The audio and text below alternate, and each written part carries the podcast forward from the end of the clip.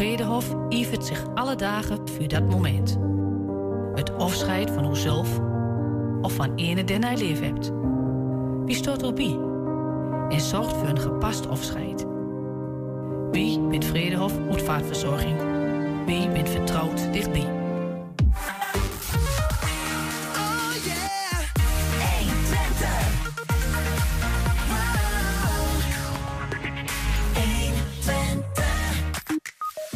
Om mensen tegemoet te komen in de verhoogde boodschappenkosten, energie, dat soort dingen, stelt de CNV een oplossing voor. Laat werknemers profiteren van bedrijfswinst via belastingvrije aandelen. Hoe dat werkt, dat vertelt advocaat Arjan Tiemann.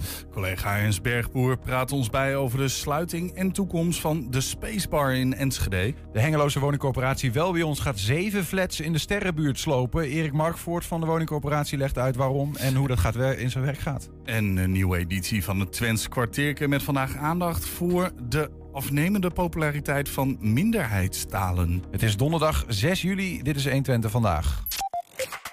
120. 120 vandaag.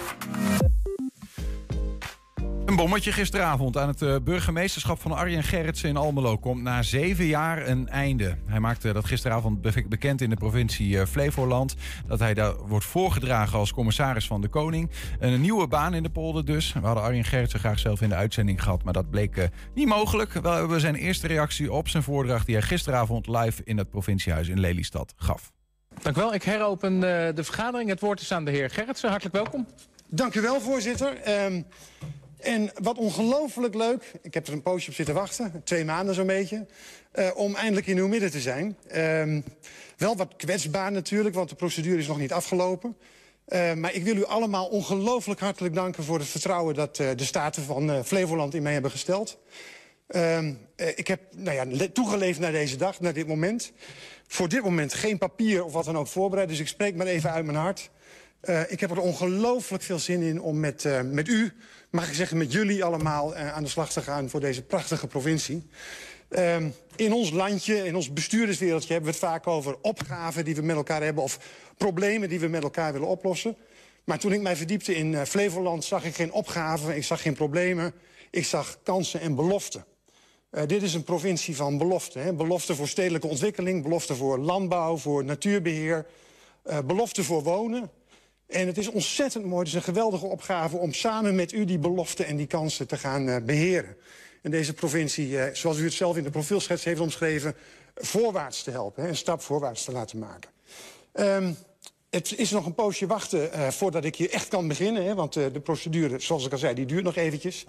Het zal nog vier maanden zijn voordat ik weer in uw midden ben. Mag ik er meteen aan toevoegen. Um, maar voor nu ongelooflijk veel dank voor het vertrouwen dat u mij gegeven heeft. En ik heb er ongelooflijk veel zin in om met u maar natuurlijk met alle Flevolanders aan de slag te gaan. Voor een geweldige provincie. Dank jullie wel.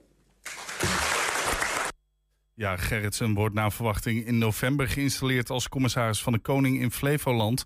Almelo moet dus op zoek naar een nieuwe burgemeester. En die procedure zal op korte termijn worden opgestart. 120. 120 vandaag. Zit je nou te hinten, Ernst? Wil je, wil je burgemeester worden? Ja, keurige jongen zoals jij. Of een onbesproken gedrag. Niels? Nee. Hij rolt dwars. Je, je rolt daar zo in, volgens mij. De, de verbindende factor. Zeker. ja, ja. Nou ja, goed. Het is, uh, ik, ik, dat laat ik aan de gemeenteraad van Almelo. Ja, moet je wel solliciteren.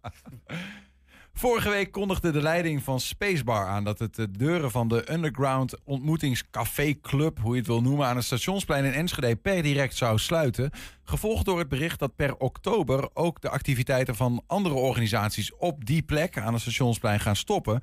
Gevolgd door het bericht dat twee van die activiteiten hoogstwaarschijnlijk nieuw onderdak hebben gevonden in de oude brandweerkazerne aan de Hengeloze straat. Dat is naast de Prinsessentunnel in Enschede. Maar de vraag is, waarom maar twee van die activiteiten? Wat gebeurt er dan eigenlijk met de rest? Wat zijn de gevolgen daarvan? Wat weten we al wel, wat weten we nog niet? We praten erover met collega Ernst Bergboer. Welkom. Dank je. Um, we beginnen even bij die spacebar. Eh, die eh, nou ja, hier in, in ieder geval geen nieuw onderkomen lijkt te krijgen. Uh, wat een beetje onduidelijk is. En nu dan? Wat is dat voor plek? Ja, Spacebar eigenlijk. Eh, Spacebar is zeg maar het café, de uitgaansgelegenheid, de club. Um, gevestigd in dat pand aan de, aan de, aan de stationsplein in Enschede. Daar heb je dat, die grote robot daarvoor. Zeg maar dat pand wat daar zit met allemaal kleurtjes en lampjes s'avonds. Eh, daar is de Spacebar gevestigd. Ehm, maar dat is niet de enige. Daar zit de Museum of the Future. Er zit een heel conglomeraat aan organisaties, bedrijfjes, ehm, clubs, kunstenaars. Een broedplaats. Mhm. En Spacebar is de ontmoetingsplek daar. Ja. Nou heeft de, laat ik zeggen, de huurder van dit gigantische pand, waar de Spacebar ook in zit, Mhm. eh, die heeft gezegd, wij gaan daaruit eh, per oktober. Nee, de, de, ja, de huurder. De huurder is, ja, het, het, het- is een vrij een beetje complexe constructie.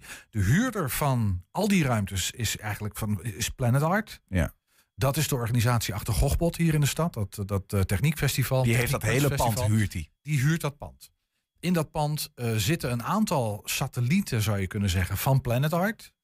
Ehm, dat is het Museum of the Future. eh, dat is. en, en een aantal op zichzelf staande broedplaats Warp. Dat is de, de, de kunstenaarsbroedplaats. En er zitten wat losse. studio's waar mensen aan dingen werken, aan, aan, aan, aan maakprocessen. Klopt. Kunstenaars die vooral bezig zijn met eh, de, de fusie tussen, tussen kunst en, van, en, en, en techniek. Eh, dat is de broedplaats. Er zitten nog wat andere kleinere organisaties. En er zit ook de Spacebar. De Spacebar alleen is een wat wonderlijkere eend in die bijt. In die zin dat dat een op zichzelf staande BV is. Dat is gewoon een onderneming. Mhm. Een bar, een horecagelegenheid, zeg maar.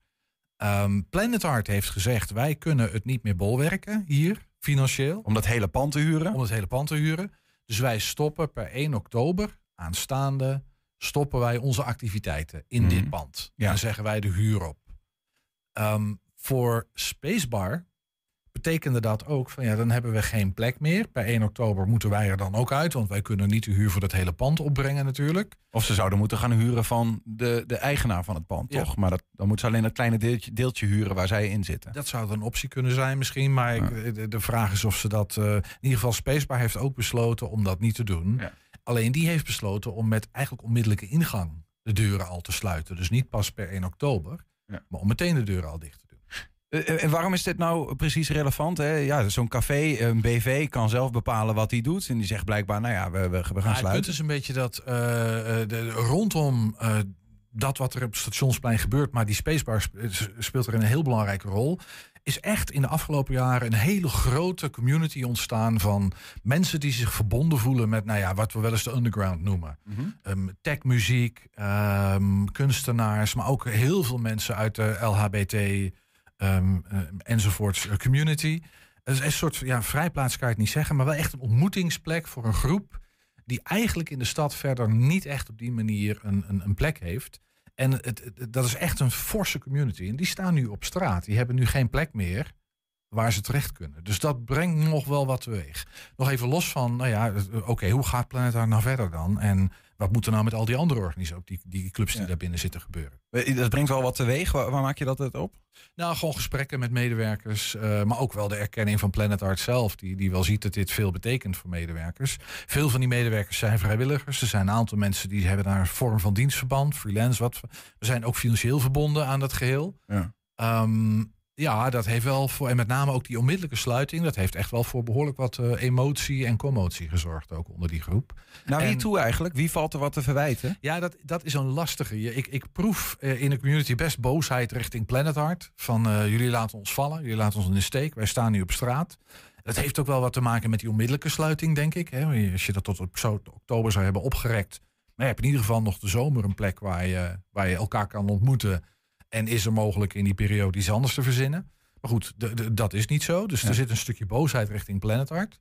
Ehm, ehm, ja, en, ik, ik, ik hoor eigenlijk minder over de gemeente. Hè, want de gemeente speelt daar ook een rol in. Dat is ook relevant. Dus dat de gemeente in de afgelopen jaren heeft erkend... dat dit soort plekken in de stad heel belangrijk zijn. Voor de stad zelf, voor kunstenaars... maar ook voor de ontwikkeling van de stad. Dus de gemeente eh, wil zich hard maken voor het in stand houden van... of het continueren van, van dit soort broed, broedplaatsen in de stad... waar deze mensen elkaar kunnen ontmoeten... Ja. en waar ze kunnen experimenteren met kunst. Ehm, dus de gemeente heeft zich daar hard voor gemaakt. Maar nu lijkt dat toch niet te zijn gelukt, zou je kunnen zeggen. Nou ja, wa- wat ik in deze ook wel opmerkelijk vind, is dat ik, wat is het nu, eh, vorige week, anderhalf week geleden, ehm, toen eigenlijk het bommetje werd gedropt van de Spacebar, ehm, gaat twee maanden in de zomer dicht. Eh, dat was toen nog het nieuws. En, en toen ben ik daar naartoe gegaan. Heb ik Kees de Groot gesproken. Hij is zowel de directeur van Stichting Planet Art, dus die dat pand eh, huurt, Mhm. als de eigenaar van BV Spacebar. Ja. En hij zei daar. Spacebar gaat twee maanden dicht. We gaan altijd in de zomer even dicht, maar dit is wat langer, omdat we moeten recalibreren, ons moeten beroepen op. eh, we, we eigenlijk maken we eh, meer kosten dan dat we binnenkrijgen. En dat gaat niet goed. Dan zouden we aan het eind van het jaar rode cijfers schrijven. Dus we hebben tijd nodig om na te denken over wat moeten we hier nou mee doen. En dan gaan we vanaf uh, Gochbot, dat is september, na twee maanden ongeveer, gaan we gewoon eh, weer open. Ja. Ehm, en, en nu is er in één keer het nieuws dat Stichting Planet Art zegt... we trekken de stekker uit dit hele pand. En we hebben eigenlijk nog niet gehoord wat betekent dat voor Spacebar. Nee, dat klopt. Eh, de, de- je zou feitelijk kunnen zeggen dat ja, na 1 oktober is, maar, is er waarschijnlijk geen plek meer. Komt ook bij dat Kees de Groot zelf, eh, dat werd ietsjes later ook echt duidelijk bekend. Ik had al wel de geruchten gehoord, maar ehm, eh, ook binnenkort opstapt als directeur van Planet Art. eh, En dus ook van Gochbot. Hij heeft een ongelofelijke bijdrage geleverd aan eh, nou ja, de cultuursector. Met name ook die underground sector hier in Enschede. Man is inmiddels 67, heb ik me laten vertellen. Zou je niet zeggen. Maar dat is hij wel. Dus die hangt, Kees hangt, de, de, de, zegt, geeft de pijp aan Maarten. Er komt wel een opvolger. Ja. Maar hoe dat dus verder gaat met die spacebar is maar zeer de vraag. Even, even dan naar die, naar die brandweerkazerne. Hè? Want daar, twee van de clubs die in dat pand aan het stationsplein zitten... Ja. eh, waarvan dus per oktober de, nou ja, goed, stekker uit wordt getrokken... laat ik het zo zeggen, simpel gezegd. Ehm, twee van die clubs die gaan naar de brandweerkazerne. Welke Ja. twee zijn dat? Hoogstwaarschijnlijk, dat zijn eh, Black Brick de- en, en, eh en Sick House. Sick House is de organisator van, van het Overkill Festival. Game Festival, Techniek Festival ook. En, en, en, en Black Brick is eigenlijk ook een soort, ja, ook een collectief van kunstenaars die, ehm, eh, met, die, maar die vooral kunst maken. Dat zijn Ja. vooral mensen die kunst maken. Die twee gaan hoogstwaarschijnlijk naar de brandweerkazerne. Dat is aangeboden en die voelen daar veel voor. Ehm, maar alle andere clubs die eigenlijk of die BV Spacebar op zichzelf staat en Planet Art, eh, die hebben besloten om dat niet te doen. Waarom? De Planet Art zegt dat zij hebben financiering, dat, dat is een, een rijk, grote rijkssubsidie voor eigenlijk voor Hogbot en nog wat andere activiteiten daaromheen. Alles, al het andere dat ze doen, dat is die broedplaats daar, Warp. En dat is ook eh, bijvoorbeeld die Museum of the Future. eh, dat is financieel niet gedekt. Eh, daar hebben ze geen middelen voor. Spacebar brengt niet voldoende op om, om dat te kunnen dragen. En Spacebar kan kennelijk ook niet op zichzelf bestaan. Ehm, eh, nou ja, dat, en dus ze hebben gezegd, we houden ons, we, we- die activiteiten doen we niet meer. Ja. Maar we richten ons op Gochbot en op die aanverwante dingen. Dat gaat in september ook plaatsvinden. Dus daar zijn ze nu vol wel mee bezig. Ja. Eh, maar de andere activiteiten moeten we afstoten, omdat we daar geen financiële dekking voor hebben. Eh, Mag ik proberen zeg maar een soort van eh, samenvatting voor mezelf dan even helder te krijgen? We hebben hier te maken met nu een pand waarin een aantal kunstzinnige clubs zitten. Dat zijn Sick House en Black Brick. Die gaan per oktober naar de brandweerkazerne. Die, hebben een Ja, nieuw- of, of in ieder geval, oktober, maar die gaan hoogstwaarschijnlijk naar de brandweerkazerne, hebben daar een nieuwe plek. Je hebt ook nog te maken met het Museum of the Future en Warp. Dat zijn onderdelen van eh, stichting eh, Planet Art. Ja. Ehm, daarvan zegt Planet Art, die stoten we min of meer af. Want de kosten die ons dat nou, me- meebrengt, die broedplaats en dat museum... Ja, die, daar daar, die vinden we niet terug. En we hebben eigenlijk niet, niet meer genoeg geld om dat te betalen. Ja. En we hebben nog de Spacebar, een losse BV... ehm, waarvan eigenlijk een beetje onduidelijk is van wat gaat daar nu mee gebeuren. Ja, eh, dat klopt. Eh, en nou ja, die Spacebar, ik gaf al aan, hè, dat is echt een groeiend aantal bezoekers. Ik was de afgelopen zaterdag, eh daar was een soort afscheid, van de laatste keer de deuren nog open. Dus het was stervensdruk. Echt, het, het, het is er eigenlijk altijd druk. Mhm. Dat is al heel tijd aan de gang, maar het was stervensdruk. Ja. Ehm, ik moest naar de wc en ik, maar ik zag die rij. Ik denk, ik ga hier nu in de rij staan. Dus ik ben eh één uur s'nachts of zo een ander café opgezocht. Ik moet echt nodig, dat ga ik niet redden. Het was echt heel druk. Dus de, de, de- het trekt ongelooflijk veel mensen. Ja. Ik denk dat alle horecaondernemers in Enschede jaloers zouden zijn. Of zijn waarschijnlijk. In ieder geval op de aantallen. Eh, maar het kan niet Ja, dat, dat zei eh, Kees de Groot trouwens, die sprak, hè, de directeur of de eigenaar van Spacebar, de BV Spacebar, die sprak dat in mij, eh, een beetje tegen toen ik daar was. Die zei, ja, op sommige avonden is het hier druk. Er zijn drie avonden open. Maar er zijn ook avonden, dan komt hier bijna niemand. Ehm, en, en, en dat is wel een probleem. Dus hij zei toen nog, voorstel zou kunnen zijn om naar twee avonden te gaan. Dat je het efficiënter maakt. Ja. Ehm, eh, maar ja, goed, blijkbaar. Kijk, eh, eh, kan het zo zijn dat hij dat wel gewoon wil voortzetten, eh, maar dat gewoon de huurder zegt, ja, je moet, je moet tenminste, wij gaan dit pand de huur opzeggen, dus je, je moet het uitzoeken. Wat, wat weten wij daar eigenlijk over? Op dit over? moment is dat, is dat een beetje de vraag. Ja. Kees heeft inderdaad in het programma hier gezegd... we gaan de Gochblad weer open en dan blijven we open. Ehm, maar daarna kwam het bericht dat per 1 oktober eigenlijk het pand wordt afgestoten. Planet Art zich terugtrekt. Of Spacebar dan in zijn eentje blijft zitten. En ik, als ik luister naar de geluiden van nou ja, wat, wat die sluiting heeft gedaan met medewerkers en vrijwilligers, daar is best heel veel onvrede, Mm. eh, proef ik. Ja. Dus of er dan überhaupt ook nog een achterban is die daar zin in heeft, is ook maar de vraag. Eh, dus dat weten we op dit moment niet. Weten we iets van, heeft de gemeente zich al enigszins laten horen in dit eh, ding? Want eh, wat je, wat je zegt, de gemeenteraad heeft mm, bijna unaniem eh, gezegd van ja, wij steunen deze community. Die warp, dat, die broedplaats eigenlijk met die studio's, in ieder geval dat daar, dat daar creatieve nieuwe dingen gebeuren. Waar de Spacebar, zeggen ze, een soort van voorportaal van is. Mensen onder een genot van een hapje en een drankje met elkaar samenwerken, praten over nieuwe ideeën. Dat is belangrijk voor de stad. Ehm, en nu die twee, ehm, is, geen, is onduidelijkheid over. Ja, is onduidelijkheid over. De gemeente heeft eh, hier verder niet zoveel over gezegd. Het enige wat ik weet is dat ze die brandweerkazerne, eh, ja, die, die is beschikbaar. Daar willen in ieder geval een paar organisaties in. Planet Art heeft vooralsnog gezegd, wij stoten activiteiten af, dus dan ligt het ook niet voor de hand. Ik, ik dacht even, misschien is de pand gewoon te klein, praktisch. Maar ik ben even wezen kijken, dat is best een fors pand. Ja. Daar is ruimte genoeg, denk ik. En misschien in afgeslakkende vorm. En dat zou eventueel misschien ook voor die spacebar eh, gelden. Maar goed, of het dan wel een, een, een plaatje is dat rond te breien is voor een plek als de spacebar, financieel gezien. ehm, eh, ja, dat is op dit moment ook niet helemaal duidelijk. Dus waarom bijvoorbeeld Spacebar niet heeft gezegd van ja, we gaan, dan gaan we ook een plekje in die brandweerkazerne eh, eh, zoeken. En kijken of, of we dat kunnen verzinnen. Misschien dat we de komende maanden kunnen nemen om dat voor te bereiden en te verkennen. Maar waarom ze nou meteen die deuren hebben gesloten, dat is op dit moment is me dat Ja. niet helemaal helder. Dat is een vraag die we in ieder geval nog overstaat. Die we misschien dan ook eh, bij eh, Kees de Groot moeten neerleggen. De BV Spacebar, zeg maar. Eh, zijn er nog andere vragen? Nee, dit is denk ik wel de belangrijkste. Nou ja, Ja. kijk, weet je, de- de- de- even los van alle constructies. ehm, de- dus wel, hoe gaat die community nu verder? Want die hebben echt iets van, jeetje, we, die hadden daar een plek gevonden, is ineens afgelopen en nu dan? Ja. Het heeft voor sommige mensen ook gewoon echt financiële consequenties, die daar gewoon Medewerkers. inkomen aan hadden.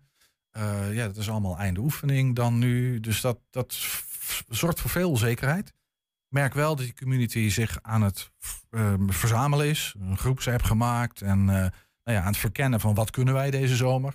Dus daar komt misschien wel wat uit. Maar dat is ook nog een vraag van eh, hoe gaat deze community nu verder? Want moet ik eerlijk zeggen, dat is dan even gewoon een persoonlijke beleving. Maar ik, dat, dat is echt wel een community van betekenis in deze stad. en daarvan is, daarvoor is de Spacebar een centrale, Ja. belangrijke plek. En die valt nu weg. Dus Ja. hoe gaat dat nou verder? Ook dat is natuurlijk nog een vraag. We gaan het volgen. Ja, gaan we zeker. Dank voor de uitleg, Ernst. Het is soms eventjes eh, erbij blijven met Ja. al die eh, constructies. Dat maar is het een eh, beetje. Dit ja. zijn kunstenaars. spelen het nog eens af op eh, 0,75 speed. En eh, dan bedoel ik de Nou, er, snelheid. staat een artikel, ik, er staat een artikel online, daar heb ik het ook even geprobeerd zo netjes mogelijk uit te leggen. Ja. Dus dat kan je ook even zoeken bij ons op de website. Zoek even naar het woordje brandweerkazerne, dan vind je hem. Dankjewel. Zometeen de Hengeloze, Hengeloze wooncorporatie Wel bij ons gaat zeven flats in de Sterrenbuurt slopen. Erik Markvoort van de wooncorporatie eh, legt uit waarom. 120. 120 vandaag. Kunstenaarswerkplaats De Mullerwerf in Hengelo is niet alleen een plek voor beeldend kunstenaars. Het biedt ook een leerwerkplek voor studenten die dreigen uit te vallen of die door omstandigheden even niet meer kunnen meekomen. Op de werf krijgen de studenten tijd en ruimte om hun talenten te ontdekken en weer gemotiveerd te raken voor het vervolg van hun studie en loopbaan. Ontdekken wat je talenten zijn en werken aan persoonlijke doelen. ROC-studenten die om wat voor reden dan ook dreigen uit te vallen... kunnen bij kunstwerkplaats De Mullenwerf in Hengelo meedoen aan het project PASTA. Een vrijwillig stageproject waar ze workshops volgen. Dinsdag werd een eerste traject afgerond... en werden studenten beloond met een certificaat. Het zijn studenten van eh, ni- niveau 2, 3, 4. En het zijn studenten die zijn uitgevallen om allerlei redenen. En eigenlijk is het ook bedoeld om schooluitval te voorkomen. En het project PASTA is ook daarop gestoeld. Hè? Voorkomen van schooluitval. Studenten weer Door te laten ervaren, nieuwe keuzes te laten maken. En uiteindelijk dat ze weer teruggaan naar het onderwijs en een opleiding gaan volgen. Heel bijzonder, dit koppel. En wat je nu ziet, dan herken je Max niet meer. Hij kwam in contact met Tony, of Tony, de kunstenaar. En was meteen, uh, zoals we zeggen, dikke mik met elkaar. Het begon eigenlijk gewoon als stagewerkplek. Toen kreeg ik bezoek van Els Valkman. En die zocht eigenlijk ook plekken voor mensen die uh, ja, uitgevallen waren in de studie... om toch weer opnieuw uh, ja, in de maatschappij te komen, zeg maar. Toen zijn wij een plan gaan bedenken, speciaal voor jongeren... die eigenlijk uh, ja, of van school afvallen, of nog niet weten wat ze willen... of psychische problemen hebben waardoor ze niet verder komen met hun studie. Dus zodoende hebben wij een project gestart in februari met z'n allen bouwen aan dit kunstwerk wat hier nu uh, naast mij staat.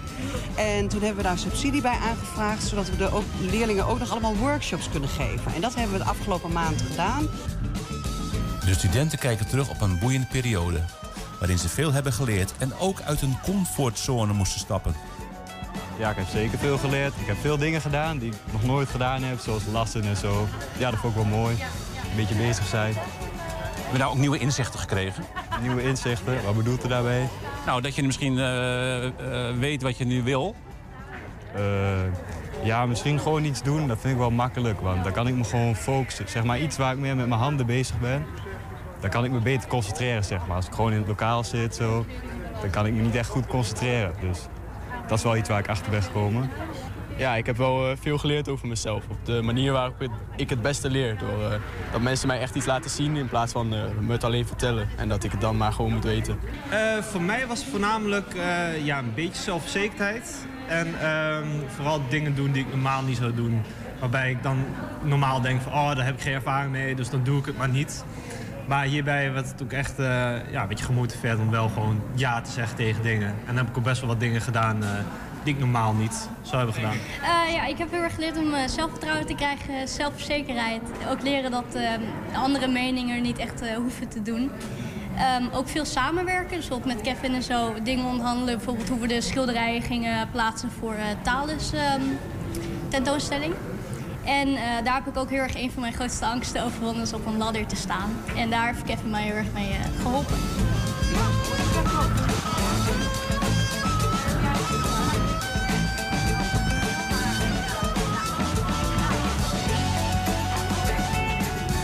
Nou, we hebben workshops eigenlijk in de lijn van zowel oude techniek als nieuwe techniek. Dus uh, dat kan zijn van houtskool tekenen tot tekenen in VR. Het kan zijn van vlinders opkweken tot, uh, nou wat hebben ze toch allemaal gedaan? Uh, speksteen, beeldhouwen, houtbewerking. we hebben ze zelf laten kiezen. Dat doen we aan het begin elke keer. Dan gaan ze zelf een aantal workshops kiezen. Waardoor ze ook het gevoel hebben die regie een beetje te hebben. En niet verplicht ergens aan mee te moeten doen. Dus ja, alle jongeren die zijn gekomen die uh, zijn ook allemaal blijven komen. En gaan nu allemaal weer verder met hun studie of met hun opleiding. Dus dat is natuurlijk al winst. En ik wist al dat het winst was toen de jongeren hun telefoon lieten liggen. Weet je wel, die kwamen in je workshop doen en toen lieten ze hun telefoon liggen. Nou, als je een jongere tegenwoordig een telefoon laat liggen, dan uh, is er wel iets bijzonders aan de hand. Ja, ik vind het project echt fantastisch, want hier komt alles bij elkaar. Want uh, je hebt leerlingen die uitvallen of onzeker zijn of niet goed weten wat ze willen. En door hier te komen in deze maakplaats kunnen ze hun eigen talenten ontdekken. En gelijk ook ervaren wat kunst met ze doet. Maar daar ook weer de verbinding mee maken met, ja, om dan maar zo te zeggen, de normale wereld. Ja, hoe mooi is dat? Volgens mij groei je daar alleen maar van. En volgens mij is dat ook de bedoeling, dat deze jonge mensen weer zekerder in hun eigen eh, bestaan verder kunnen. En dat maakt dit project wel mogelijk. Ja, en nu vandaag de afsluiting. Uh, wat ga je nu doen? Uh, ik ga volgend jaar weer verder met mijn opleiding. Ik zat in het laatste jaar sociaal werk. Toen uh, ging ik wat minder in mijn leven en toen ben ik uh, bij het JET-traject terechtgekomen. En nou, volgend jaar gewoon gelijk beginnen met stage ehm, ja, met sociaal werk. Ik ga naar op stap of terug naar mijn oude opleiding. Maar ik moet nog kijken, ik heb morgen een gesprek. Oh ja. Ik ga denk ik een opleiding doen in, in de natuur. Iets doen zoals boswachter of zo. En dan daarnaast proberen een eigen, eigen business te starten met kunst maken of zo. Ik ga verder in de logistiek en ik wil graag doorgroeien als buschauffeur. ja, ik zat ook eerst op de logistiek en ben ik dus even mee gestopt omdat het ook minder ging. En dus nu ga ik dus dit jaar weer terug, eh, nadat ik dit mooie avontuur heb kunnen beleven. Samenwerking tussen ROC van Twente en de Mulderwerf slaat aan en krijgt ook een vervolg. Mijn droom is dat ik die verbinding kan maken met dat bedrijfsleven en met dat onderwijs en met het sociaal domein. Want wij gaan nu vanaf januari gaan we samen met ROC die jongeren niet alleen workshops geven hier, maar dan gaan ze ook nog helpen om een workshop te geven aan het sociaal domein. Leger des Heils of de Zonnebloem. Dus op die manier trekken we ze nog dieper die maatschappij in. Ja, en dat groeit inderdaad. Zometeen Damstee-advocaat Arjon Timon praat ons bij over het plan om werknemers te laten profiteren van bedrijfswinst via belastingsvrije aandelen. 120. 120 vandaag. De Hengeloze woningcorporatie Wel bij ons gaat zeven flats in de Sterrenbuurt slopen. Over anderhalf jaar gaan de eerste drie flats tegen de vlakte aan de Venusstraat en de Saturnusstraat. En anderhalf jaar later volgen vier flats aan de Jupiterstraat en de Siriusstraat. De bewoners van 144 appartementen moeten op zoek naar iets anders, maar krijgen daarbij wel hulp van die woningcorporatie. Aan de telefoon is wel bij ons bestuurder Erik Markvoort. Erik, goedemiddag. Goedemiddag. Zagen de bewoners dit nou aankomen? Ik denk een paar misschien wel, maar ik denk de meeste niet. Nee, dit soort berichten overvalt eh, de huurders over het algemeen enorm. Ehm, we hebben natuurlijk wel wat klachten gehad in het verleden over geluidsoverlast en dat soort zaken. Maar ja, we hebben ook zelf ook wel geworsteld met deze beslissing. Maar het was niet eh, op voorhand al duidelijk of wij wel of niet zouden gaan slopen. Dus ik vermoed dat bewoners ja, daar ook geen idee bij hadden. Ja, wa- en voor- voor- wanneer wordt zoiets voor jullie eigenlijk een onvermijdelijk besluit? Ehm, ja, kijk, eh, eh, over het algemeen is het zo- zo'n anderhalf, twee jaar voordat wij eh, bepaalde woningen of complexen willen gaan renoveren, dan analyseer je eh, wat er allemaal gebeuren moet. Dat weet je over het algemeen eh, redelijk, omdat ze, eh, ja, wij zijn natuurlijk goed bekend met de toestand van de woning. Maar als je er gedetailleerder naar kijkt, Ja. komen steeds meer dingen aan de orde. Dus dat is meestal zo'n anderhalf, twee jaar voordat we met de plannen bezig gaan. Dan ga je dit soort onderzoeken ook doen. En dan kom je erachter van, is het nog wel de moeite waard om de boel te renoveren? Ja, ja, exact. Dan kijk je naar de hedendaagse eisen, die natuurlijk de afgelopen jaren ook wat strakker zijn geworden. En dan kijk je concreet wat er moet gebeuren. Ehm, ja, en dan constateer je feitelijk dat dit flats zijn eh, die eh, alleen dan eh, ja, grootschalig gerenoveerd kunnen worden wanneer er extreem veel geld tegenaan gooit. En zelfs dan nog, hebben wij geconstateerd, ja, blijft het lastig om het bijvoorbeeld akoestisch goed voor elkaar eh, te krijgen. Ja, dan krijg je met die geluidsoverlast. Eh, we, hebben een even een afbeelding van de buitenkant. Als je er zo naar kijkt, hè, ehm, dan zien ze er nog best netjes uit. In ieder geval van de buitenkant. Maar dat, dat, is, dat is dus schijnbedriegt. Nou ja, ze ziet er ook wel netjes uit. Ja, die schijnbedrijf niet. Maar de, de, de, de, binnenkant en met name de constructie laat uh, Ensel te wensen over. Kijk, er is in de jaren negentig uh, nog een hele nieuwe gevel tegen aangezet. Dus uh, onze eerste indruk als wij er gewoon langs rijden is ook van, god, daar staan best nette, nette flats. Alleen, um, ze zijn volledig uh, uh, uit hout opgetrokken, zou je kunnen zeggen. Verdiepingsvloeren zijn van hout. Ja, waardoor uh, die geluidsoverlast heel moeilijk te voorkomen is. Nog afgezien van dat er ook op een aantal plekken, ja dat heet dan koude bruggen in zitten. Um, dus het moet ingrijpend gerenoveerd worden, wil je tot iets komen. En dan blijft het in onze ogen, zoals we dat noemen, altijd suboptimaal. Dus uiteindelijk hebben wij gezegd, na nou ja, denk ik enkele kwartalen van nadenken en spreken met andere mensen die daar weer op een andere manier naar kijken, deskundigen, constructeurs enzovoort. We hebben gezegd, na de weken geleden, van, ja, wij moeten gewoon een rationeel besluit nemen om het, uh, om het te slopen. Dat, dat heeft dus te maken met geluidsoverlast, maar ook met de opgave. Dan, dan heb je het, neem ik aan, ook heel erg over gewoon uh, renoveren op het gebied van duurzaamheid. Dat zo'n ja. ding minder, ja. inderdaad, die koude bruggen wegwerken bijvoorbeeld. Ja. ja, kijk, we hebben de laatste jaren natuurlijk terecht de mond vol over allerlei duurzaamheidsmaatregelen. Dus gewoon erg goed isoleren en zorgen ja. dat je zo min mogelijk woonlasten hebt en met name de energielasten terugbrengen. Dus daar zijn wij wel gewend geraakt aan uh, grote kostenposten, goed naar de installaties kijken. Dat is natuurlijk de laatste jaren uh, aan de orde van de dag.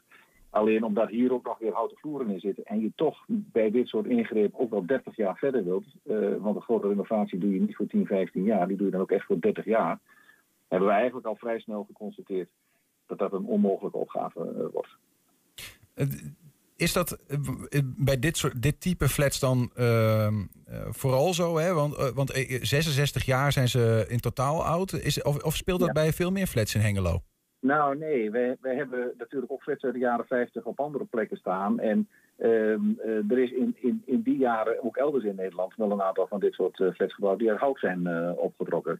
In de meeste gevallen is dat, is dat niet aan de orde. Ja. Dus het is niet zo dat wij nu voor de opgave staan om alle de jaren 50 en misschien zelfs nog wel 60 te gaan slopen. Gelukkig niet, zou ik bijna zeggen. Want ja, wat, er moet toch inderdaad, er moet, want er moet nogal wat gebeuren. Als je die flat sloopt, nou ja, dan, komen, dan duurt het even voordat de uh, uh, bewoners een nieuwe plek hebben, eventueel. Ja. Um, Misschien nog om daar even op terug te komen. Um, we hebben een plaatje van nou, even alle zeven flats in, in vogelvlucht gekeken van bovenaf. Ga, ga, gaan jullie uh, ook, ook die zeven flats met die 144 appartementen allemaal terugbouwen of niet per se? Nou, wij gaan ongeveer het aantal terugbouwen, dat is de intentie. Wij hebben daar geen schetsen van en ook nog geen, uh, geen concrete plannen voor. Dus dat is nog niet getekend. Wij willen nog in overleg met architecten om te kijken hoe dat het beste uh, kan. Mm -hmm. uh, de bedoeling is wel om op exact dezelfde footprint, zoals dat zo mooi heet, dus op dezelfde plek waar ze nu ook staan, terug te bouwen. Zodat je ook niet aan de stratenstructuur en dat soort dingen hoeft te tornen, want anders dan wordt het nog ingewikkelder. Ja. Um, en in feite willen wij ook gewoon het aantal woningen wat we nu slopen terugbouwen. En dat kan ik niet op vijf of tien nauwkeurig uh, zeggen. Maar de intentie is wel om uh, zo rond de 140, 150 woningen terug te bouwen. En waar gaan mensen dan eigenlijk in de tussentijd uh, naartoe? Hoe werkt zoiets als je, als je flat of je huis waarin je woont gesloopt wordt? Ja, nou ja, wij proberen voor vervangende woonruimte te zorgen. we hebben daartoe ook een soort standaard sociaal plan. En dat wordt eigenlijk ja, per project aangepast aan de, aan de eisen van dat project. Uh, we gaan ook gefaseerd slopen en dus ook gefaseerd uh, bouwen. Volgens mij zei je zojuist al in de uitzending in het begin wanneer dat gaat uh, gebeuren. in, in, in laat ik zeggen, medio 25. Dan wordt het eerste deel gesloopt.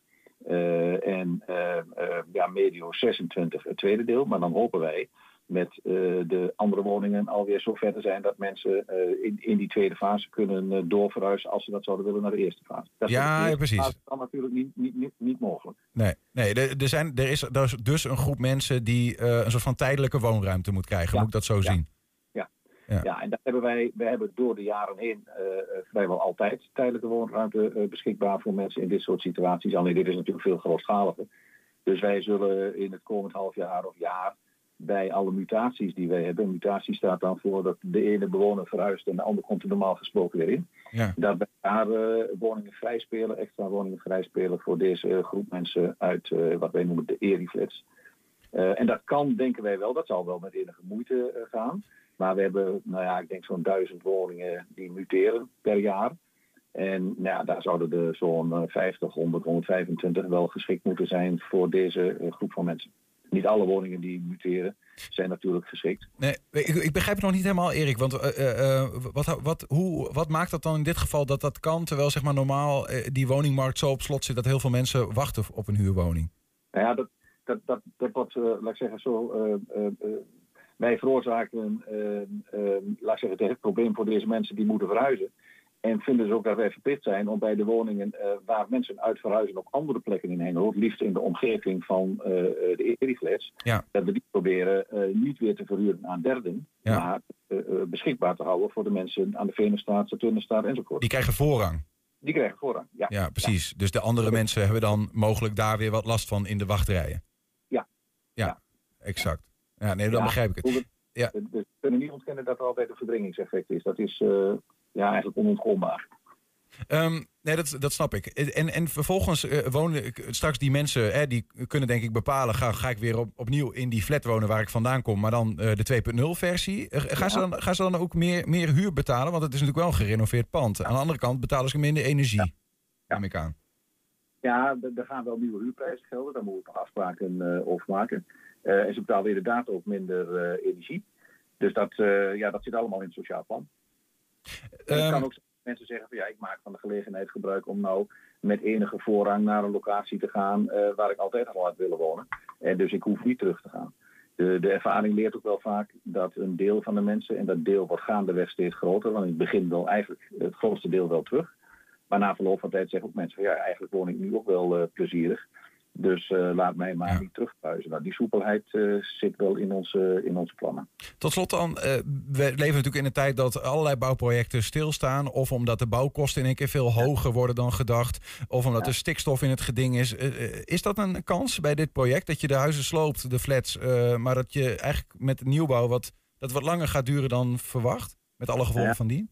Kijk, er- kan altijd vertraging optreden, maar wij hebben wel met de gemeente Hengelo de afspraak gemaakt en ook met onze huurdersvereniging Opions, dat de, de feitelijke sloop eh, ingaat eh, op het moment dat wij met zekerheid weten dat wij ook terug gaan, eh, gaan bouwen.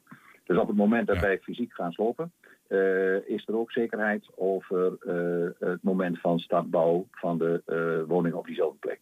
Helder. De hele maand kunnen in ieder geval bewoners nog met vragen terecht hè, bij jullie. Op dinsdag en donderdag tussen 4 en 8 s'avonds. Klopt helemaal, ja, het is wel op dinsdag en donderdag de hele maand, maar het is tussen 3 en 4. Tussen 3 en 4. Oké. precies. Eh, in wijkcentrum De Sterrentuin. En eh, nou ja, dat is vandaag dus ook nog. Maar tussen 3 en 4 dat is al geweest. Dus nou ja. Eh, Erik Markvoort van Be- Wel bij ons, dank voor de, voor de uitleg en de succes met het project.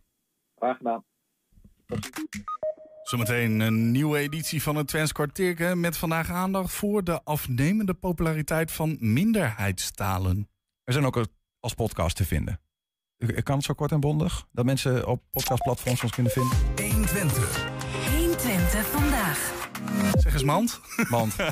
Nu de kosten voor het eh, leven hoger zijn door inflatie of voor het bouwen bijvoorbeeld, dat zagen we net. Maar overal stijgen de kosten, ook in de supermarkt, dat weten we allemaal. Wil CNV een bijzondere oplossing om werknemers meer geld te geven om die boodschappen bijvoorbeeld te kunnen betalen. De vakbond stelt voor dat zij belastingvrij aandelen in het bedrijf moeten kunnen krijgen van de werkgever. Die belasting vormt nu namelijk nog een risico eh, voor die werknemer. En advocaat Arjon Tiemann die is bij ons om uit te leggen hoe dat werkt. Dit is mijn uitspraak en daar moet u het mee doen. Rechtspraak met Damstee Advocaten. Arjon, welkom. De CNV stelt voor om aandelen te mogen geven aan, eh, aan werknemers, eh, zonder dat ze daarvoor belasting hoeven te betalen. Maar misschien is het goed om te beginnen bij het begin. Wat is er eigenlijk een aandeel?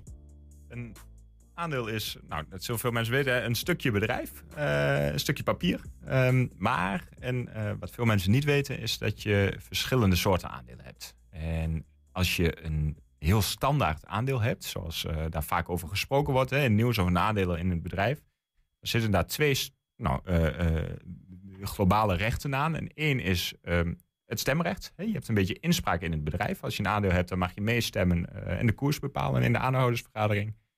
En er zit een winstrecht op. En dat is het tweede stukje. En daarvoor hebben ook heel veel aandeelhouders de aandelen. Zodat er, als er winst wordt gemaakt in het bedrijf, en er wordt winst uitgekeerd, een dividenduitkering noem je dat, dan word je daar een beetje beter van, want dan krijg je geld in de zak. En dat kan in het heel groot, met grote beursgenoteerde bedrijven. Dat kan ook met een eh, heel klein bedrijfje of een, een BV, eh, die die heeft ook aandelen. Ja. Maar die worden dan niet op de beurs verhandeld. En wie, wie bepaalt die functie? Of het een stemrecht heeft, geeft of een eh, winstrecht of wat dan ook? Ja, dat is maar net hoe je je bedrijf inricht.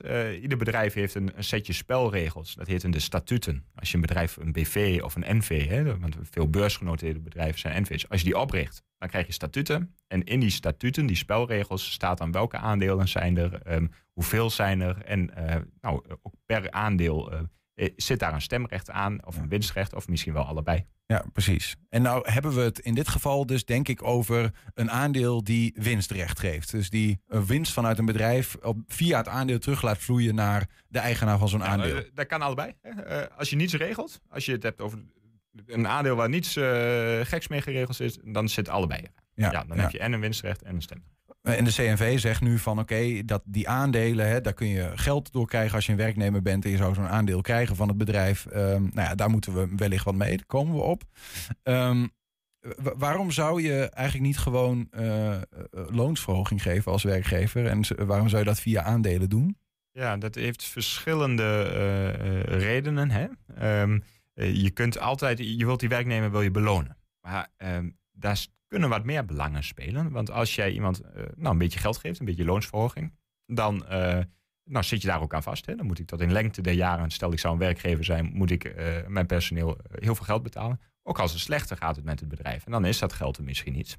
Terwijl een aandeel, als ik een aandeel zou geven, dan gaat de beloning, dus de, de, dan krijgt die werknemer de eh, beloning die hij krijgt voor zijn werk, ehm, in ieder geval voor een gedeelte, in de vorm van een winstuitkering. Ja, ja. Maakt, maakt het bedrijf veel winst, Ga je harder lopen? krijgt de werknemer eh, veel, eh, veel geld. Maakt het bedrijf verlies of weinig winst, dan krijgt hij wat minder. Ja. Ehm, en dat betekent inderdaad dat werknemers harder gaan lopen. Ehm, maar ook, en, en ik zou het iets positiever willen uitdrukken dan alleen maar, hè, we, we gaan met een stokkrachtje aan. Maar ook is het zo dat die werknemers nou, dus soms toch wel een beetje zeggenschap krijgen, maar veel eh, loyaler zijn naar het bedrijf. Die hebben veel meer belang erbij. ehm, om met z'n allen er wat van te maken. Want iedereen, iedere werknemer geniet dan van een goede winst. Ja, en dan ga je er met elkaar voor. Ja. Wat, wat is het probleem dan op dit moment? Wat, eh, eh, er, wordt, er is een probleem met dat dat belasting kost, of blijkbaar. Of dat je de belasting voor, voor moet betalen. Ja, nou, je, je betaalt belasting over, over salaris. Hè? Stel, jij krijgt een beloning voor jouw werk. ehm, dan betaal je daar een percentage over.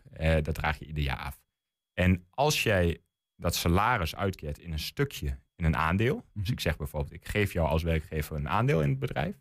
Dan eh, betaal jij over de waarde van dat aandeel, ehm, betaal je belasting. Ehm, en de winst die je daaruit krijgt, die krijg je nog niet direct. Dus je betaalt er wel belasting, je moet er wel afdragen, maar je hebt het geld nog niet. En het is ook nog onzeker of dat geld ooit komt. Want als het bedrijf dan vervolgens slecht draait, ja, dan, heb je, dan ontvang je daar niks uit uit dat aandeel. En dan betaal je dus wel belasting, terwijl je feitelijk geen geld op de bankrekening krijgt. Ja, ja, ja.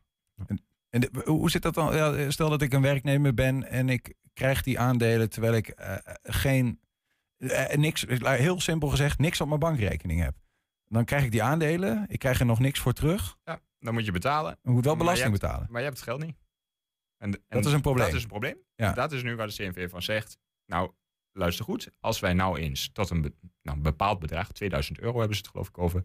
Als we dat nou belastingvrij maken, dan geeft dat de werkgever de mogelijkheid om de werknemers aandelen in te geven. Zonder dat ze daarmee in de klem komen dat ze eh, nog niets hebben ontvangen uit die aandelen, maar ook wel belasting moeten aftikken. Hey, maar aandelen, die kun je toch ook gewoon eh, verkopen? Of niet? Als je ze krijgt en dan, eh, eh, dan Als zeg je je niks van... regelt wel. Ja, een aandeel is verhandelbaar. Ehm, nu zijn hè, die spelregels die ik net noemde, die, die statuten, ehm, daar staat ook wel eens wat in van nou, je mag het niet verhandelen. Of je moet het eerst, ehm, wat heel vaak gebeurt, ehm, als je het wil verkopen, moet je het eerst aanbieden aan andere aandeelhouders. Dan mag je niet zomaar naar je buurman gaan en zeggen, wil je mijn aandeel kopen? Maar dan eh, moet je het eerst aanbieden aan de anderen die aandelen hebben. En als Ja. die het niet willen, dan ga je naar de buurman. En daar kun je wat regeltjes mee eh, eh, voor maken. Je kunt ook zeggen, nou, je mag bijvoorbeeld die aandelen die je krijgt de eerste vijf jaar niet eh, behandelen. Dan maak je er een soort een, een zet je erop. Ehm zijn allemaal varianten. ehm, maar dat kun je gewoon afspreken. Hè? Kijk, dat, dat regel je dan in de statuten. Ja. Nee, wat ik eh, dan snap ik het. Want ik zat eerst te denken van ja, als je dan, eh, ik zeg, ik kri- ik krijg een aandeel voor, eh, de- voor 10 euro, dan moet ik daar dus loonbelasting of misschien belasting over betalen. Zegt dat dat 37% is, dat is 3,70 euro. Dan zou ik nog kunnen zeggen, nou, ik krijg een aandeel, ik verkoop hem meteen. Krijg ik daar 10 euro voor, moet ik nog 3,07 euro belasting betalen, haal ik nog altijd geld over. Maar het probleem zit er dus in dat je hem soms niet mag verkopen. En precies, maar ook dat je hem soms niet kan verkopen. Want wat nou als niemand dat aandeel wilt? Je wil kijk, ehm, stel ik krijg een aandeel van, eh, eh, van mijn baas. Ehm, eh, ik, ik ben een werknemer en ik heb een werkgever en ik krijg daar een aandeel van. Ehm, ja, dan moet ik maar net iemand vinden die in dat bedrijf een aandeel wil. En dan kom ik misschien wel bij jou terecht. En jij zegt, van, ja, ik ken dat hele bedrijf niet. Daar ga ik niet in, eh, in investeren. Juist, ja. Eh, nou, CFV stelt dus voor, eh, kunnen we niet die belasting op die aandelen gewoon afschaffen? Ehm, dan kunnen werkgevers gewoon vrij aandelen geven aan hun werknemers. Die krijgen op die manier winstuitkering via de aandelen. Krijgen ze geld, kunnen ze hun boodschappen mee betalen. Laat ik zo zeggen. Beter dan daarvoor. ja, b- ja, ik weet niet of je daar mening over hebt. Maar wat vind je daarvan, van het voorstel zelf? Ehm, nou, ik, ik vind dat een prima voorstel. Hè. Ik, ik, ben niet, ehm, eh, ik heb niet een mening waarvan ik zeg van... Oh, kan absoluut, absoluut niet of het is eh, geweldig goed wat daar gebeurt. Ehm, wat je natuurlijk wel ziet, en dat is ook een van de achterliggende gedachten... is dat als je te maken hebt met inflatie... en daar hebben werknemers mee te maken... eh, en de boodschappen worden duurder... ehm, dan zul je ook, eh, stel we hebben het over... eh, nou, ik werk bij een fietsenwinkel hè, en... eh, en er is een sprake van grote inflatie, dan worden ook die fietsen duurder. Nou ontvangt ook het geld eh, of het bedrijf meer omzet, want ze verkopen duurdere fietsen. Mhm. Ehm, dus zou je verwachten dat ook de winst in percentage misschien wel wat omhoog gaat. Eh, ehm, want de salarissen gaan dus niet omhoog. Want, je, want dat, dat zorgt er normaal gesproken voor dat de kosten meegroeien. Maar die blijven achter. Mhm. Als jij ervoor kiest om in aandelen uit te keren, een salaris. Nou, en dat betekent dat ik als werknemer dus net wat meer krijg eh, in mijn beloning. En dan groeit mijn beloning misschien wel net wat meer mee met die, eh, met die inflatie waar ik last van heb. Ja. Zodat mijn koopkracht eh, meer gelijk blijft als dat die hiervoor was. Dan als ik een uitkering in salaris zou krijgen. Ja. En, en dat is een ontzettend groot voordeel van aandelen gebruiken als salaris.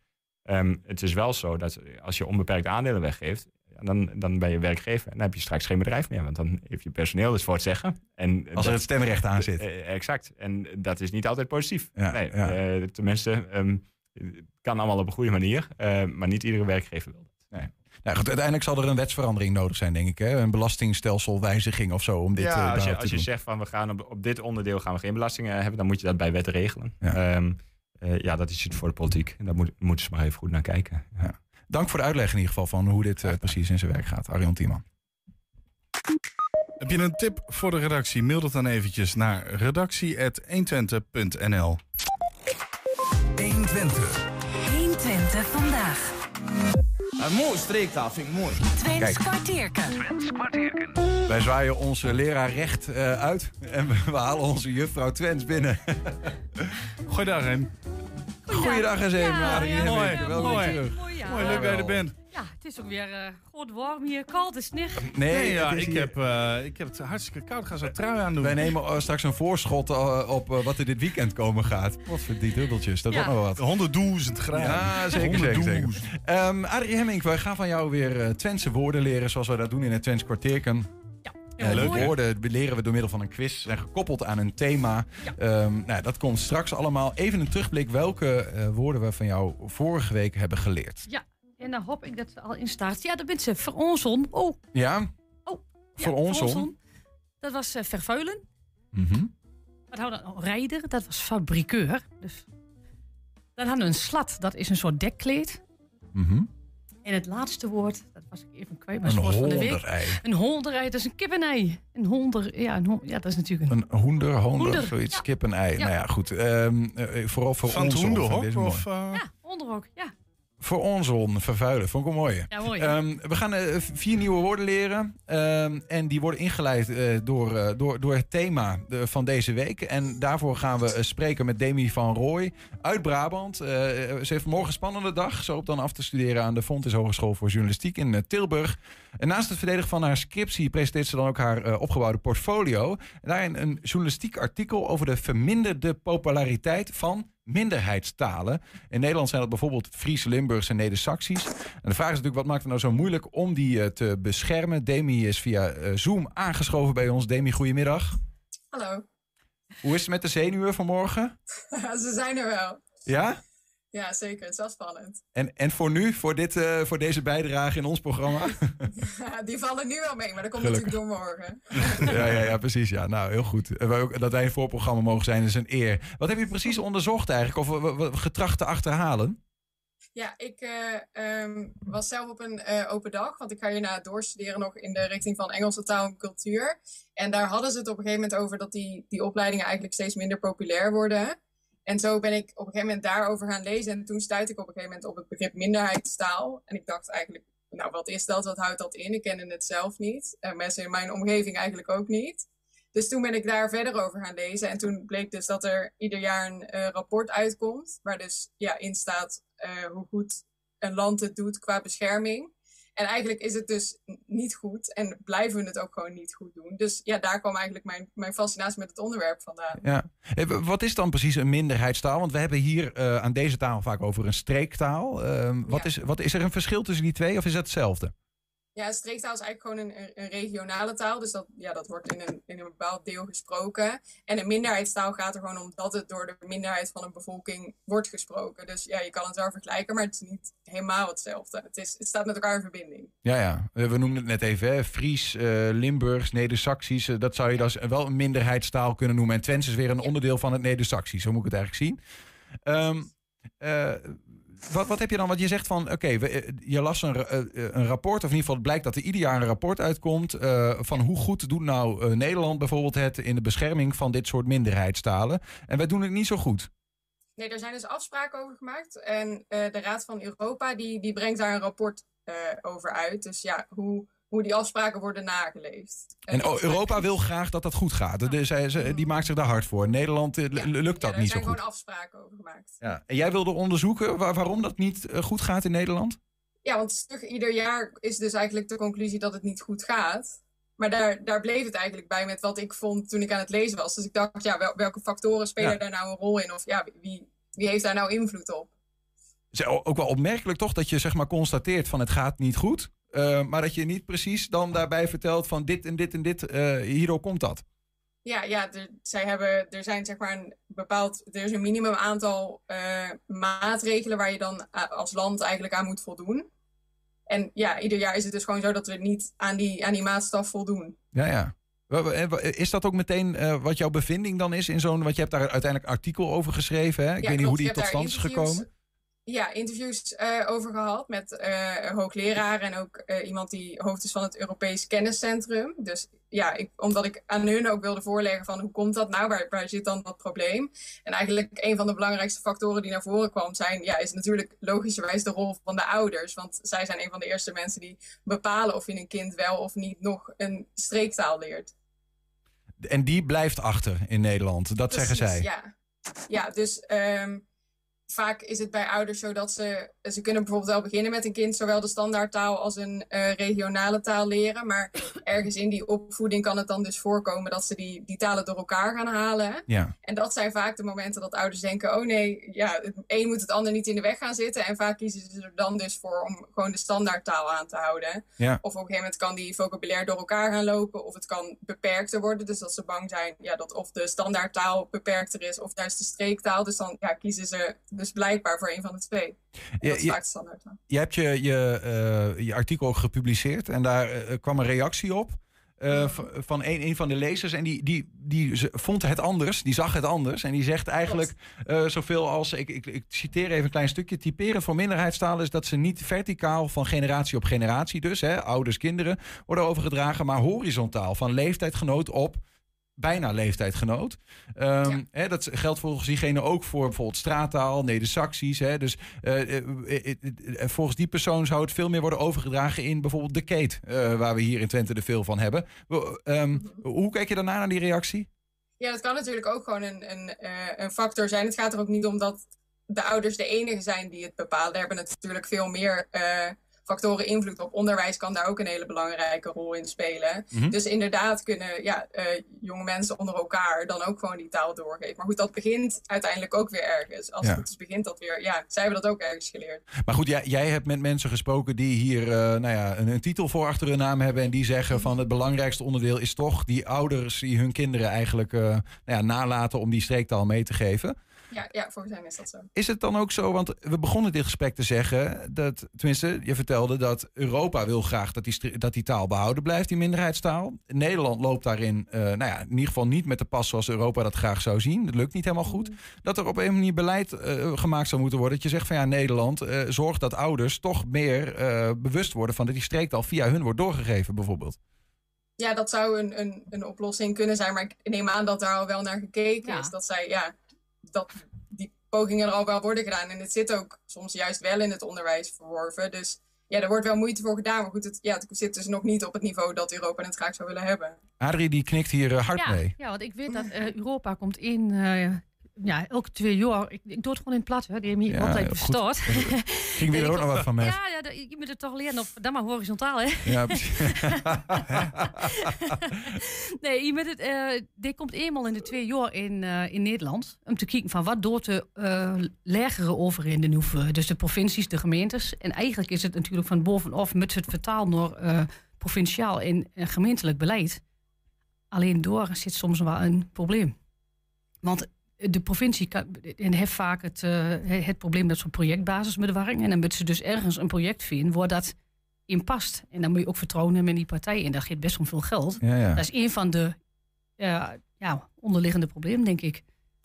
Ehm, nou ja, goed. We, we, we, we bent er wel mee bezig. Wie bent er mee bezig? Ja, maar ik was er had nog van de voor. Is het Ja. in andere landen gaat het wel wat beter dan eh de EMI? Het bijvoorbeeld in Duitsland of in... Gaat het in Duitsland wel beter? Dat, dat durf ik niet te zeggen. Ik ken Ja. het, het rapport niet, eh, niet van, van buiten. Maar ik denk dat ja, je zou haast denken dat het vergelijkbaar is. Wat vind je, de, wat- wat vind je de, mooiste, de mooiste minderheids- of streektaal, eh, Demi? Heb je daar een eh, Ja, daar kan ik natuurlijk nu maar één antwoord op geven. hè. het Brabants? Het- Dat is Gronings. Kom op zeg jongens. ja, ik vind, ik vind het Limburgs ook wel heel mooi klinken. Er zitten zo- natuurlijk ook veel varianten op, maar het is een hele zachte taal. Zachte taal met een, eh, met een nadruk op de. mooi. Eh, eh, eh, leuk, Demi. Dankjewel voor, voor dat je even wilde uitleggen waar je in verdiept hebt. Speel je nog even mee met onze quiz, onze Twentse taalquiz? Is goed. Ja, be- be- beheers jij het Brabants een beetje zelf of niet? Ik jawel. Ja, nou ja, ik weet niet of dat soms een beetje op elkaar het- lijkt. Daar gaan we achter komen. Wat, wat, eh, Eh, eh, minder dan, minder dan, minder dan werkelijk waar. Hoe doe je dat? Hoe doe je dat? Wat heb ik gedaan? gedaan? Zoiets, ja.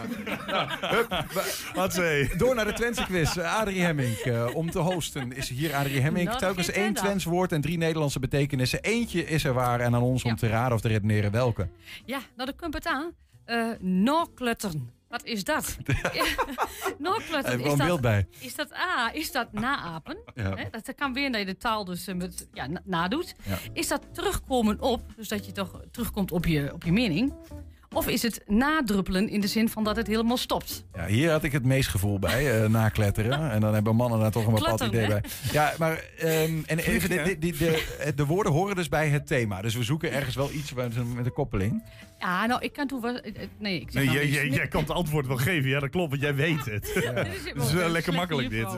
Nou, ik, ik, ik dacht dus nakletten, nakleppen. Dus oftewel ergens op terugkomen. Eh, dat, het, dat het daar misschien Je ziet vandaan het woord kletsen in klutten. Ja, ja en de, dan ergens op terugkomen. Maar ja, dat kan, het kan ook naapen zijn. Ja. Ik denk dat C eh, eh, eh, niet meer meedoet. Demi?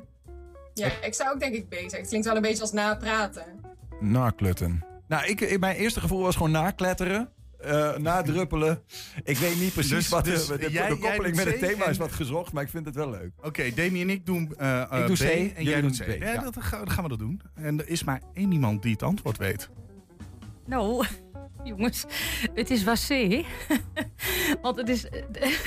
maar het, he- het geeft meer een na, dat is met allerlei vloeistoffen, maakt niet uit met wat. Het, is, het, het druppelt na totdat het stopt. En ik dacht, als je dat nu deur trekt in de zin van de taal overbrengen, als Ja, het, ja, dan ja, op een gegeven moment ja, stopt ja, het dan. ja, en dat ja. is Ja. natuurlijk wel heel jammer. Ja, ja, ik Ja. vind het heel ver van het onderwerp af. Eh. vind ik Net een- het is net een stalactiet wat dat betreft. We Mooi, gaan door naar mooi. woord, woord 2.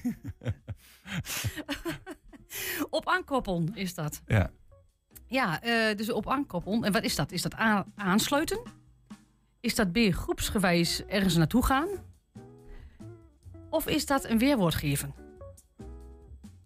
Op aankoppelen. Op aankoppelen. Aansluiten, groepsgewijs of weerwoord geven. Op koppel gewoon net als een aanhanger gewoon ergens op aansluiten. Ja, dat, lijkt me logisch. Maar ja, niks is logisch meer. Nee. Want Nee. eh, Adrie is er en dan Ja. is het altijd onlogisch. eh, Demi, wat denk jij? Ik zou denk ik ook wel A zeggen. Ik zou ook zeggen A. Maar ja, weet je, het is wel Twents kwartierken. En de Twents is een vreemde taal, dat hebben we al wel een beetje gezien. Hey. Ik ga voor groepsgewijs. Ik ga gewoon eh, voor groepsgewijs. We, we gaan eh, met Dan z'n allen, moeten we het doen. Dan, we dan, moeten ga op ik, elkaar dan, dan doe, ik eh, weerwoord geven. Dan hebben we allemaal een ander. Dat vind ik dan... eh, Vullen we in Oké. bij deze. En dan is het eh, aan Adrie om... eh, Nou, eh, Niels, je hebt het gehoord ditmaal. Eh want, eh, Ja, ditmaal, eh, Ja, vorige ja, maal ja, ook, ja, oh, nou, je hebt gelijk, je hebt gelijk. Nee, want een koppel is ook een groep. En, en op aan, en ze op, op hoes op aan, gewoon betekent ergens naartoe hoe ze gaan. van verkeersme. Ja, dat. Een, in, een, in een aanholden. Op, eh, op, op aankoppelen. Ja, eh, op aankomen met, een- met een groep ergens op naartoe Ja, gaan. ja, Ja, ja. Dat was dus echt de enige die ik niet zou kiezen. Ja. Maar ja, dat zie zie je wel weer. Kijk, normaal zou je ook eh, je gasten natuurlijk een puntje geven, eh Demi. Maar in dit geval ben ik echt te trots om deze twee punten met ziel en zaligheid te bewaken. Ehm, nog, we hebben nog één kans, in ieder geval nog twee zelfs. Maar eentje in deze quiz om, eh, om een punt te scoren, Adrie. Ja, nou, dat is eh kuierbats. Kuierbats, wat is dat? Is dat een praatgraag iemand? Is dat een wandelstok? Of is dat een geluidsversterker? een kuierbad. Ik vind, ik, ik, ik vind wandelstok, als het dat zou zijn, zou ik echt briljant vinden. Omdat die mensen toch altijd aan het kletsen zijn. Altijd aan het kuien zijn. Maar kuier is ook lopen, kuien. Dus Ja. dat kan heel Oh, goed. dat, dat weet ik niet. Ja, Eh, een bats, ik een bats is een schep. Ja. Dus het is een, kuier, een kuierschep waar je mee... Ja, nou, vind je niet gek? Ik, ja, ik, ik zou dat heel erg leuk vinden. Maar het heeft volgens mij echt totaal niks met het onderwerp te maken. Demi? Ja, ik zou inderdaad in het kader van het onderwerp dan A zeggen. Ja, hè? Hij is echt een kuierbats. Hij is een praatgraag. Ja. Den René, dat is een kuierbats. Ehm, ja, hè, eh, ik, ik zou denk ik... Ik vind, ik vind jouw uitleg van wandelstok heel mooi. Ik ga die doen. B. Ja, ik ook wandelstok. En dan Nee? vullen, we Demi in... A. A. Oh, Nou, Oké, nou. Beste jongens, Ja. Eh Demi heeft het gehoord. Ja. Het is Ja, een dan praatgaar. Hebben wij het fout, hè? Ja. Dan kan je bad. Applaus. Nee, heel goed. Eh Demi. Maar het is je voor Demi even. Ja, precies. Ehm, en nou ja, je hebt zelfs nog kans om op eh, dezelfde hoogte als de grote Niels Veuring te komen, Demi. Want we hebben nog één woord te gaan. En dat is het woord van de week. Frank ging de straat op. Goedemiddag, Twents woord van de week. Deze week is het woord metwillig. Is dat antwoord A, boos, antwoord B, meegaand of antwoord C, treurwillig? We gaan het even aan de mensen op straat vragen. We hebben het Twents woord van de week. Deze week is het woord metwillig. We hebben boos, meegaand en treurwillig. Meegaand. Waarom denkt u dat? Met willig. Als je het uitspreekt, ja, van meer gaan. Met, mee, metwillig. Ken ik niet. Dat kent u niet. En U komt uit Twente, toch? Ja, ik kom uit Twente. Ik zal, ik, ik heb nou, eh, heb ik mijn, eh, mijn hersens op nul staan. Eh, het is meegaand. Meegaand, dat zeg je redelijk overtuigend, vind ik. Waarom? Omdat met, je gaat met. En willig. Willy met. Ja, meegaand. Dat moet wezen, denk ik. Oh niet? B, B. Ik denk B ook. Ik ook B. Goedemorgen. Goedendag. A question. Metwillig. A, B of C? A, B of C? A, B of C? Willig. Metwillig, ja. Meegaand. Meegaand. Waarom denkt u dat? Ja, denk ik. Past de beter bij. Van met, mee. Ja. En wat denkt u? Met willig. Ik denk eh, boos zijn. Boos. Ja? Voor de hand liggend is B, maar ik, eh, ik ga toch... Waarom dan? Ja, meegaand met willig. Voor de hand liggend denk ik gevoelsmatig, maar ik ga voor C. C, terug. Oh, ik denk B. B, meegaand. Waarom dan? Nou, dat weet ik niet. Komt er uit de buurt? Nee. Waar komt het vandaan dan? Drenthe. Ik denk niet dat je veel Twents praat dan, of wel? Nee, Drents. Drents. En als je nou met Twents vergelijkt met, eh, met Drents, zou je dan ook al meegaand komen? Ja, denk ik wel. Met willig, ja, geen idee eigenlijk. Mm. Misschien Twents, Drents, dat een beetje op elkaar lijkt. Dat je denkt van... Nou, ik, ik, ben, ik, ik kan wel Drents, maar niet zo goed Drents. ik denk misschien mee, meegaand of zo. met, mee. Ja, ja, een beetje daarmee inderdaad. Het een beetje op elkaar lijkt. Met willig. Wat is het, een soort woord? Metwillig. Ja. Twents woord? Eh, ik denk A, boos. Boos. Nee, nee, B, meegaand. Nee. B, allebei, alle- allebei B? Ja, allebei B. Meegaand. Waarom denk je dat? Met betekent mee en willig, dat is wel, snap je, wilt wel meegaan of zo. Met willig. Ooit wel gehoord? Nee, maar ik denk wel dat het meegaand is. Want willig is dan inderdaad toch... Ja, ik, ik ga voor B. Met willig is meegaand. Is dat meegaand? Ja, je of wel goed, kom je Twente, hè? Nee, ik kom Marokko. Ja, kijk, dat heet niet goed. Nee? Nee, want ik kom uit Italië en ik had het wel goed. Ja, ik kom ook. Ja, oké. Ja, zeg ik. ja. Heren, daar ben ik. Metwillig. Boos, meegaand of terugwillig? Aan jullie de vraag. Kom uit Marokko hoor. oh, wat is dit goed elke keer hè? Dat blijft goed. Ja, jammer dat hij weg is, die jongen. Ja, dat hij eh, er niet meer... eh, Nou, uh, jee. als- Treurig, Ehm, ja, zijn we inderdaad metwillig? eh, zijn we een soort van treurwillig daarom of niet? Dat is de vraag. Hè? Ja, of zijn we boos? Ja, of meegaand. Ehm, weet je, Demi, jij mag als eerst kiezen. Ja, ik zou, mijn eerste antwoord zou denk ik B zijn, want ik volg ook wel wat die mensen in het filmpje zeggen, maar juist daardoor denk ik misschien is het het dan niet. Dus je bent Dus niet ik metwillig bij die voor mensen. het tegenovergestelde, dan ga ik voor boos. Oké. Vind ik eh, gedurfd. Want ik zou wel zeggen metwillig. Ik kan bijna niet omheen. Ik, ik zou, eh, jij zou zeggen metwillig, dat dat het antwoord, dat, dat betekent metwillig. Ja. Meegaand. Heel logisch. Ja, ik, ik denk dat ook. Dus ik ben meegaand. Dan doen wij allebei B, eh, Julian. En dan eh, gaan we Frank het laatste woord geven. Metwillig, ik heb verschillende antwoorden gehoord. Boos, meegaand of terugwillig. Het goede antwoord is antwoord A, boos. Ja, kijk jongens, Demi heeft gestudeerd, hè? nee, wij, wij zijn er niet zo goed in. Ja. Ja, en oprecht ook nog even Ja. een applaus. Ja, ja, ja. Voor Demi. Mooi, Demi. Ik, eh, ik hoop dat jou eh, morgen net zoveel eh succes zal... eh, nee, nog meer trouwens, want twee van de vier morgen. Gewoon vier van de vier, een dikke tien. Eh dankjewel dat je even ons wilde uitleggen... in ieder geval over jouw onderzoek rondom eh, nou ja, de, de afname... van de populariteit van minderheidstalen... en wat er dan aan ten grondslag ligt en zo. Hopelijk draagt het nog wat bij eh, aan eh, nou ja, het behoud ervan. Dankjewel. Dankjewel. Adrie, ook bedankt. Geen door. Onchien. Oh nee, dat is Fries. Zullen we daar nou niet over beginnen? Dit was 120 vandaag. Terugkijken, dat kan direct via 120.nl. Vanavond 8 en 10 zijn we ook op televisie te zien. Zometeen op de radio Henk Ketting en de Kettingreactie. Veel plezier en tot morgen. 120. Weet wat er speelt in Twente. Met nu het nieuws van 5 uur. Goedemiddag, ik ben René Postma. De coalitiegenoten van de VVD zijn verbaasd dat premier Rutte de boel ineens op scherp zet met een voorstel voor strengere asielmaatregelen. D66 en de ChristenUnie zijn daar fel tegen. Rutte wil het voor morgen regelen als de zomerstop begint. Volgens bronnen is er een kans dat het kabinet valt. Het kabinet trekt